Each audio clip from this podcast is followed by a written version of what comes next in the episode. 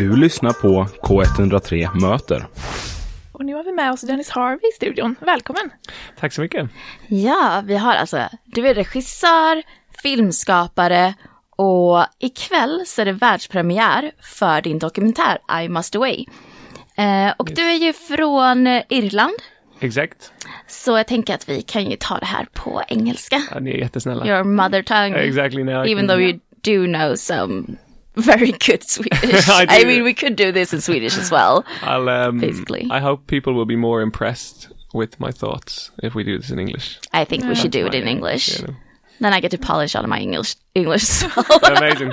Everyone's happy. Everyone's- so Dennis, where in Ireland are you from? Uh, I'm from Dublin, uh, the capital capital city. Yeah, and you Yeah. studied there as well. I studied there as well. Yeah, yeah, in uh, in Trinity Trinity College, which has subsequently been made famous by Sally Rooney. Oh, normal yeah, the books. Yeah, yeah. right. It's be I think this, the university's been there since like the 1400s or 1500s, but no one cared until until That is her a long time for people not to care. And then Sally Rooney came along. And now you. And then me, exactly. Yeah. Yeah, yeah, yeah, exactly. And you studied uh, cinema, right? Yeah, yeah. Film And studies. Spanish? Film studies in Spanish, exactly. Yeah. Um, it was uh, all academic, like academic film studies. So Hmm. I, I really started making making work, making films after after Right. university. So when did you know that you wanted to do documentaries? Yeah, it's uh, actually yeah. So we had one, we had one like we had a course called practical documentary in my third year of university, and uh, it basically took me until my third year of university to like to really care about what I was studying and and really engage engage with it uh, properly. Um, and in that yeah in that course, the documentary course, I remember the I was doing this film about a guy. He was like the gatekeeper of the park beside my house. It was very simple. It was like a very simple first film idea. Yeah. But he, I remember he rang me the night before at like midnight. We were supposed to be filming at like seven or six a.m. or something when he was starting, and I had got the whole team ready, you know. And then uh, he was like, "I don't want to do it. Like I, uh, you should just get someone else. I don't know, or just film the birds in the park or whatever. Like you don't need me." And somehow I sort of managed. excuse me. Somehow, somehow I managed to convince him to to do the film, and it felt really, really good. Like it, it was such a. I really and then and he was really happy with the film as well and and, and, and was clearly really like happy that we were filming him but he, I think he was just really nervous beforehand so it felt like um I was like oh maybe I should maybe I should do a bit more of this whatever. Yeah, like interviewing people and, you know, getting into their stories. yeah yeah I think I think the thing that I feel when I see a, a good film and especially a non-fiction or documentary film is like it feels like a really generous thing that the the filmmaker has done uh, to invite you into the world that that you're in and to to give you time and space to to like think about and reflect on if it's political ideas or someone's personal situation or or or a concept that yeah it just feels like a really generous thing and I think that's what I what I want to try to do Yeah. And uh, we said also that you studied Spanish, and that must have helped you so much, uh, for example, in making this film, uh, this documentary, in being able to talk to people from around the world and really understanding their stories. Yeah, yeah. Actually, that that's something. When I was doing like test screenings, when uh, someone mentioned that he thought it was it was really nice that I, I could speak the diff or like all of all of myself and the participants could partic- uh, communicate in the same in the same language, uh, Yeah. different with different languages, and I suppose yeah, that does that really helps. Yeah. And do you you, wanna, do you want to tell us a bit about the movie? Like, yeah, yeah, uh, yeah. So I'm, I Must Away is, um, it's a it's a documentary film that that I made filmed over seven years. Uh, it follows four migrants um, from sort of across the spectrum of migration. Um, so there's Hashem Hashem who's from, Bangladesh, uh, who we meet in Madrid. He was a former politician in Bangladesh, but had to flee after threats on his life, and uh, we meet him. He's he's selling cans of beer on the street in Madrid. And then we meet Alicia in Santiago in Chile, who uh, had to leave Peru after falling into death, selling goods on the streets. And we meet Ali Reza in, in Stockholm. He is originally from Afghanistan, but had to flee to Iran when he was he was only two weeks old. His family brought him there, and then he came to Sweden um, as a fourteen year old, and Sam Komande born, and uh, he uh, and then and then there's and then there's me, this like uh, person who can who leaves university and leaves Dublin in the financial crisis, but is out of it's out of choice, and I can travel freely to where I want to go. Um, and I get work in in the, in different cities. I'm working in Madrid, and then I'm working in Santiago, and then I'm working in Stockholm. That's where I meet and become friends with with the, with the different people in the film. But um, I felt it was important to put the different migratory experiences on the same screen. Um, it's it's something that I haven't seen that much, and in a way, I, I hope it it can be in a way sort of it can provoke people into thinking about and reflecting about their own position. Um, because our our system, uh, like the, the politics of movement that we live in, is privileges the already privileged and and and attacks and harms those who have less access to to rights and privileges. And so I felt a, a way of me being the narrator and putting my experience, my migratory experience on screen, alongside those of my friends who have it a lot harder, was a way of trying to explore something, getting into the into the the the, the inequalities of the of our politics movement. Yeah, I, I was thinking about uh, the title of the movie, uh, "I Must Away." Is it like uh, a bit of a double meaning? Like you're traveling, you have this wanderlust, uh, and like you maybe have this feeling that you must go away. Um, meanwhile, these people that you're following, the other uh, three migrants, they have to go because, for example, Alicia has to move from Peru to Chile because there's no work in Peru, and then she has to go to Spain. Um, is that what you thought about? Yeah, there's. I mean, there's a lot of a lot of different things in the title. It's it's it's the title of a song uh, which comes back three times in the film by uh, the Irish traveling musician Thomas McCarthy. He's an absolutely amazing musician, and uh, Yeah, I love the music in the movie. Yeah. yeah, the, actually, the music is all. I'm doing the, my new project, uh, Celtic Utopia, is about Irish folk music. So all of the music from this film is sort of will be in will be in that film as well. So it's like a little taster for for what's to come. But but back to the, yeah, the title. Like, I mean, I think you can you, people can read in what they want. Like it it could be seen as from my perspective as the as the narrator. It could also be from from the other participants' perspective.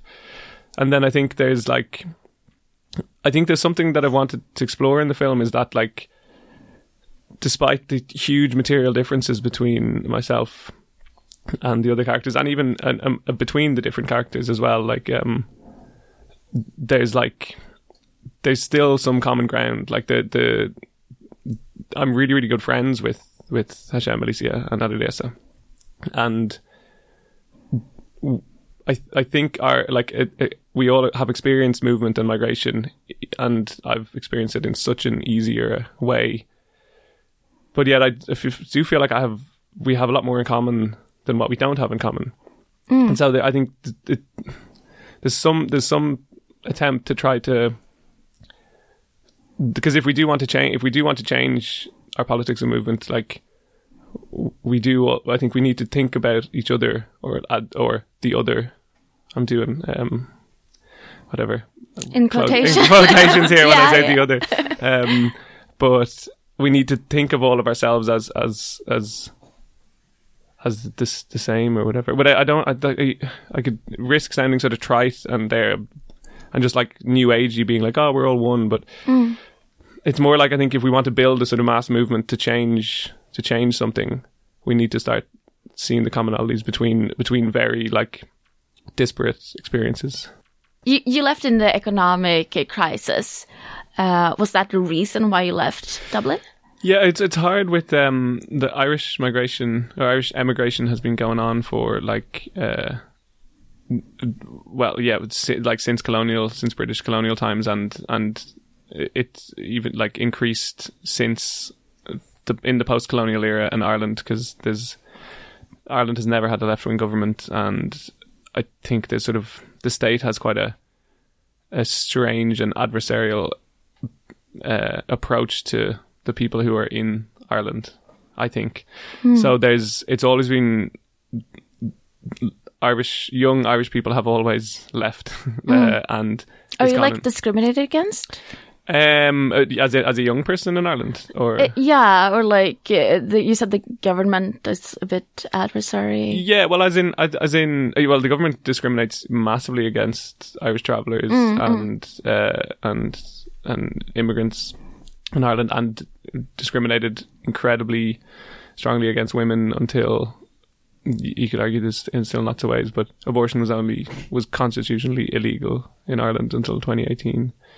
Um, Wow. Yeah. so so there's loads and loads of things there's loads and loads of reasons to leave um and i have so much love and respect for my from the, my friends and stuff who who've stayed in ireland and and are fighting for like a better a better country um but so so there's loads and loads of reasons and there's a huge tradition of emigration in ireland so that's the thing so it's hard for me to sort of completely understand and work out and, and unpick why exactly i left but i knew i always wanted to leave um, but then in like when I was in school and then in university, th- yeah, this is the financial crash happened in sort of 2008, and then the Irish government bailed out the bailed out the banks.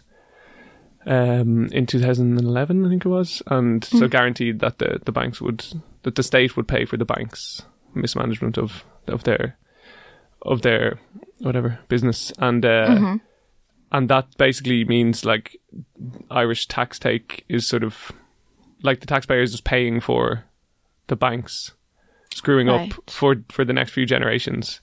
And so uh, it was sort of like the what it felt like in school and then in university was like the, the talk was just like there's there'll be no jobs, you'll have to leave. There's no like there's nothing for you here. So it, I, I mean, I, like I had no other, I had no other idea in my head that I, then I would leave. But, but I do know people who stayed who, who were like similarly privileged as me, who had university education and things, and they've like they got jobs and they and they somehow managed to live even though rent is so crazy expensive and no one can afford a home and stuff. So Yeah. um, but yeah, so it's it's it's weird. Like I, I it was a choice to leave, but it feels like the options weren't that good. like Yeah. uh, staying wasn't that.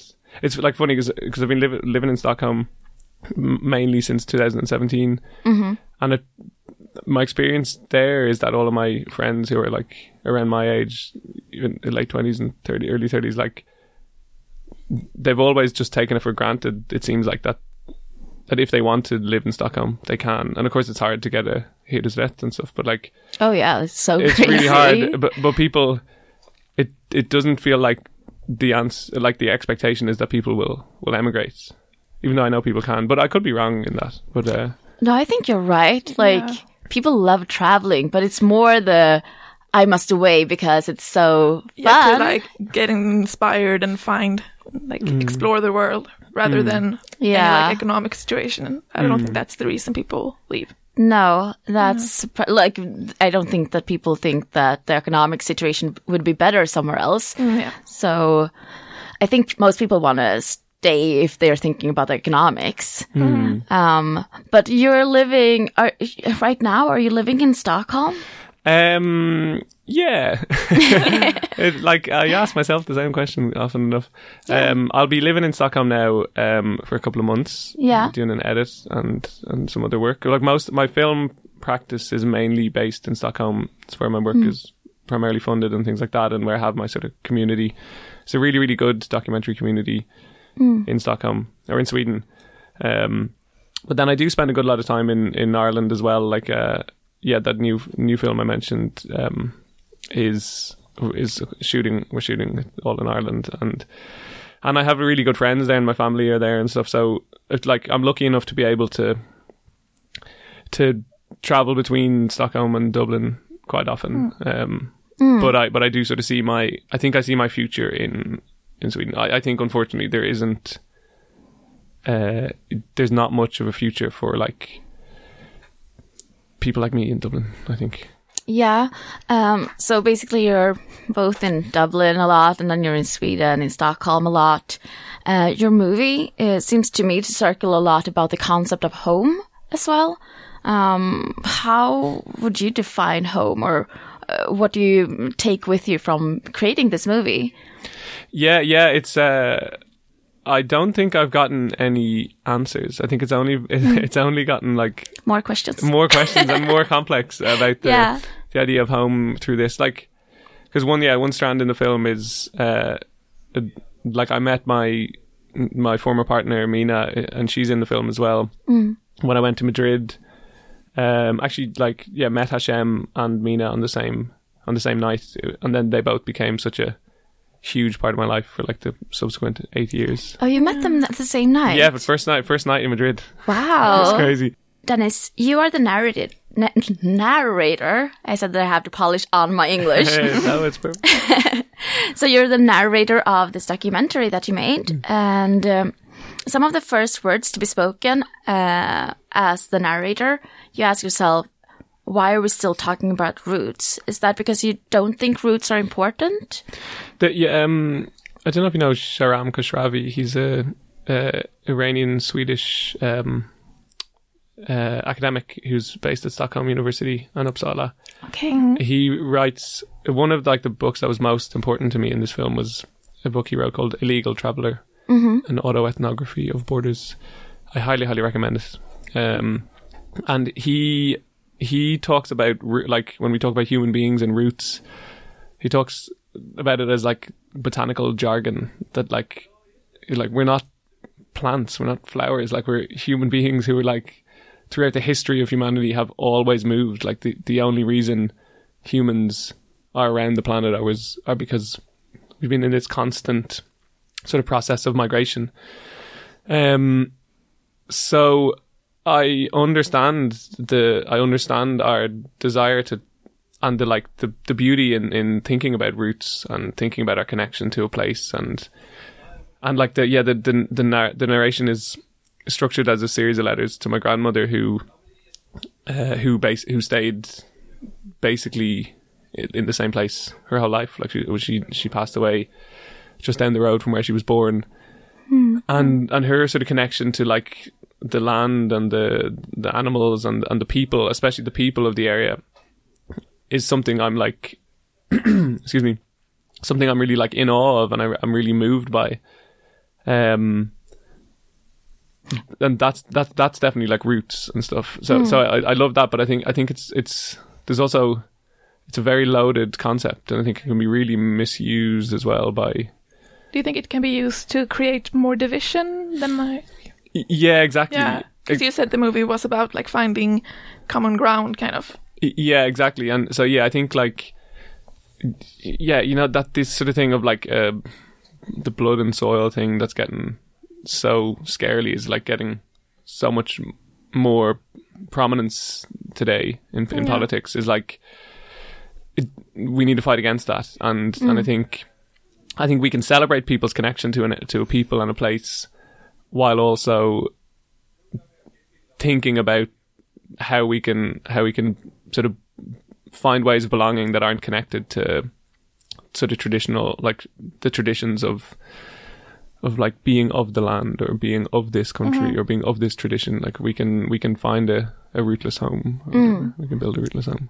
But your grandmother, who, because the, the narration is, as you said, it's letters to your grandmother. Yeah Were these uh, letters that you actually sent, or is it more like um, uh, metaphorical letters that you wanted to send her? Yeah, so like the yeah the the ones that are in the film, I wish I wish I wrote so eloquent uh, eloquently and, and and sort of in such a focused way. But uh, when I used to write to her, but yeah, the, like the, these were rewritten uh, for the film, and I worked on worked on for for years with my collaborator Kevin Bronick, who's an author and dramaturg. Um, but they're they're definitely they're based on like I used to write to my grandmother from the, the grandmother, and then John Quinn, who's also her neighbor, who's also in the film. I used to write to them from every place I I moved to. They were like the, the the only people I had a you know like an actual written correspondence with. Um, and then and then I'd have I sort of took in conversations with my mother as well because she used to also, also sort of relay news about where I was and what I was doing to my grandmother in between letters. So I sort of took all of that stuff and and and then like yeah wrote these series of letters that of course have a sort of narrative function in the film as well and touch on different ideas and topics and and concepts. Um, but it, yeah, they're so they're based on something that was quite quite dear to me. Like when I when my grandma was still with us. and- And she, you said she died just a few, like down the street from where she was born. Yeah, But in the documentary, you also mentioned that she had, was it eight siblings? uh, yeah, They, they were, they were eight siblings. maybe. yeah, yeah, yeah. Um, I, I should I I should have this on the top of my head. Actually, yeah, it's like seven or yeah, exactly seven of her of her eight siblings left. Yeah. Um, so she, there was nine in total. Then I suppose. oh, right, right. But she remained, Yeah, like she spent a couple of years uh, during the in the Second World War as a nurse in in in England. Um, I'm pretty sure, and then, but then then was back and back in back to the roots. back to the roots. Yeah. Exactly. Yeah, yeah, and. uh yeah, she actually would have loved. I was talking to my mum about this recently. My my granny would have loved to leave that area because the land Yeah? was so bad, um, that like the they were like effectively like peasant farmers or whatever, or subsistence farmers, but managed to manage to make make a life and educate their kids and all that. But um, but she would have moved somewhere else gladly. But it was my grand my grandfather was really really attached to that area, and he was sort of willing to just stay and try to work the land. Uh, you know, really bad land. Yeah. Well, he passed away well well before I started making films. So. Oh, well, I'm sure that your family will enjoy watching this tonight at the world premiere at Göta, 7030. And you can also see it tomorrow at 5 uh, at Göta and also on Sunday at 10.15. And you'll be available to answer questions uh, also. Yeah, yeah. I'll be doing a Q and A after every every screening, and uh, I'll be there, and I'd love to talk to people about it.